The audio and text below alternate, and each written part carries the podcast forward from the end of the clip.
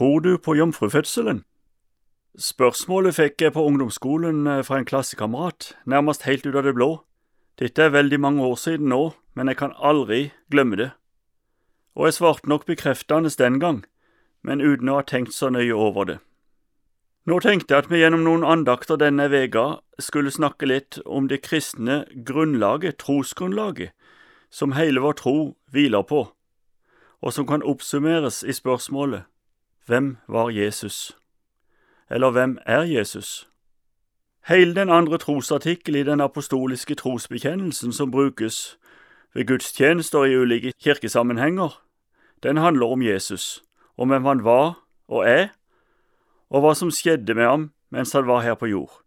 I trosbekjennelsen er også Jesu opphav viktig, der vi bekjenner unnfanget ved Den hellige ånd, født av jomfru Maria og derfor så har jeg tenkt at nå skal vi la Født av jomfru Maria være tema for andaktene i denne vega. Og i dag så vil jeg ta utgangspunkt i Jesu ettertavle. Den finner vi gjengitt i Bibelen to plasser, i Matteus 1 og i Lukas 3. Og den som har bestemt seg for å begynne å lese i Bibelen og kanskje har fått råd om å starte i Det nye testamentet, ja, han havner rett i ettertavle.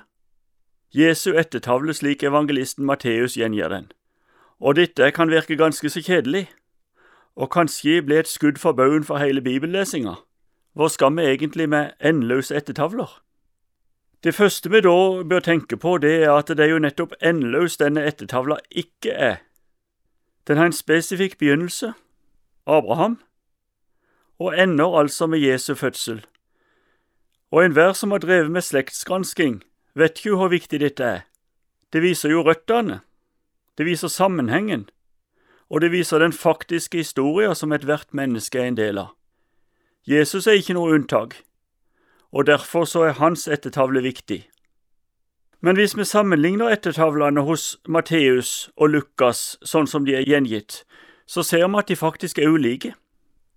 Noen vil da trekke den konklusjon at her her er det et godt eksempel på at det er feil og motsigelser i Bibelen. Men det er en forhasta konklusjon, og nå, nå vil jeg be deg følge godt med. Matteus, han skrev sitt evangelium til jødene.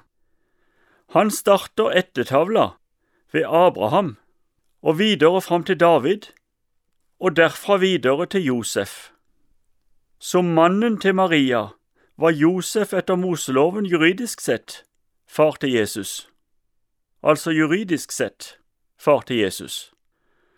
Og da får ordene i juleevangeliet forsterka betydning, når det står at også Josef dro opp fra Galilea, fra byen Nasaret til Judea, til Davids by som heter Betlehem, fordi han var av Davids hus og ett. Det er hos Lukas vi finner juleevangeliet. Han skrev ikke til jødene, men til hedningene, og derfor forklarer han nærmere at Davids by er Betlehem. Det er en selvfølge for jøder. Lukas starter Jesu ettertavle helt tilbake til Adam. Ettertavla fra Adam til Abraham er bare gjengitt hos Lukas og ikke hos Matteus. Men fra Abraham til David så er ettertavlene hos Matteus og Lukas like. Så fra David er de igjen ulike. Det er en helt spesiell grunn til dette. Som vi så, så gjengir Matteus ett linja fra Josef tilbake til David, og den linja går gjennom Davids sønn Salomo. Lukas gjengir ett linja fra Maria tilbake til David, og den linja går gjennom Natan, som er en and av Davids sønner.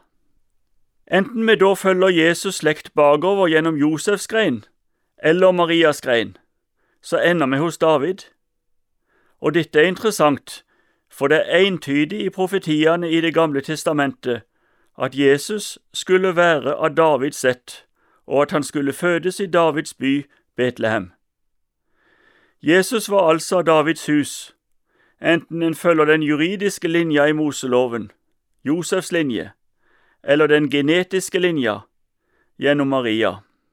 Men vårt tema i dag er jo født av jomfru Maria, og det betyr jo at Josef ikke var Jesu genetiske far.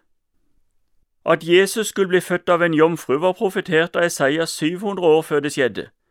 Derfor skal Herren selv gi dere et tegn. Se, en jomfru skal bli med barn, og hun skal føde en sønn og gi ham navnet Emanuel, som betyr Gud med oss, står der i Esaias 7, vers 14.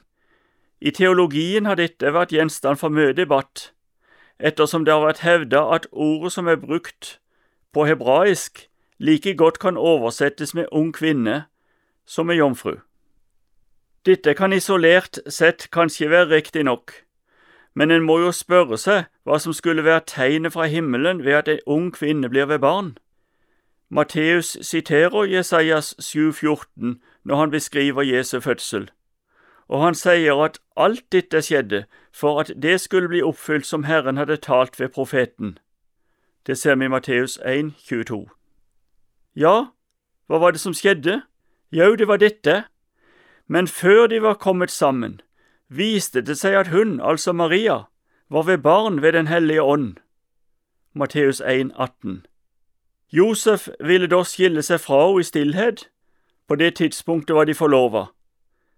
Og dette var for ikke å føre skam over henne.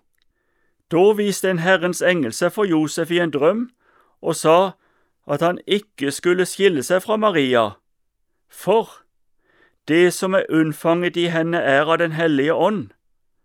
Vers 20 Da tok Josef Maria hjem til seg, men han levde ikke med henne før hun hadde født sin sønn. Vers 25 Lukas beskriver det samme i begynnelsen av sitt evangelium. Han beskriver i kapittel 1 Maria som jomfru.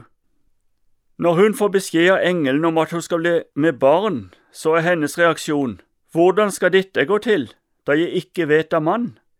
Da svarte engelen, Den hellige ånd skal komme over deg, og den høyestes kraft skal overskygge deg. Derfor skal også det hellige som blir født, kalles Guds sønn. Lukas 1, 35. En rask opptelling ut ifra det vi har tatt fram her, viser at Bibelen bekrefter, gjennom det vi nå har sett, fem ganger direkte at Maria var jomfru da hun fødte Jesus. Jesus er unnfanget ved Den hellige ånd og er derfor Guds sønn, men han er født av mennesket Maria. Han er derfor både sann Gud og sant menneske. Du har lyttet til Over en åpen bibel, og andakten var ved tidligere misjonær og fritidsforkynner Knut Olav Raen. Serien produseres av Norea Mediemisjon. Les mer om oss på norea.no.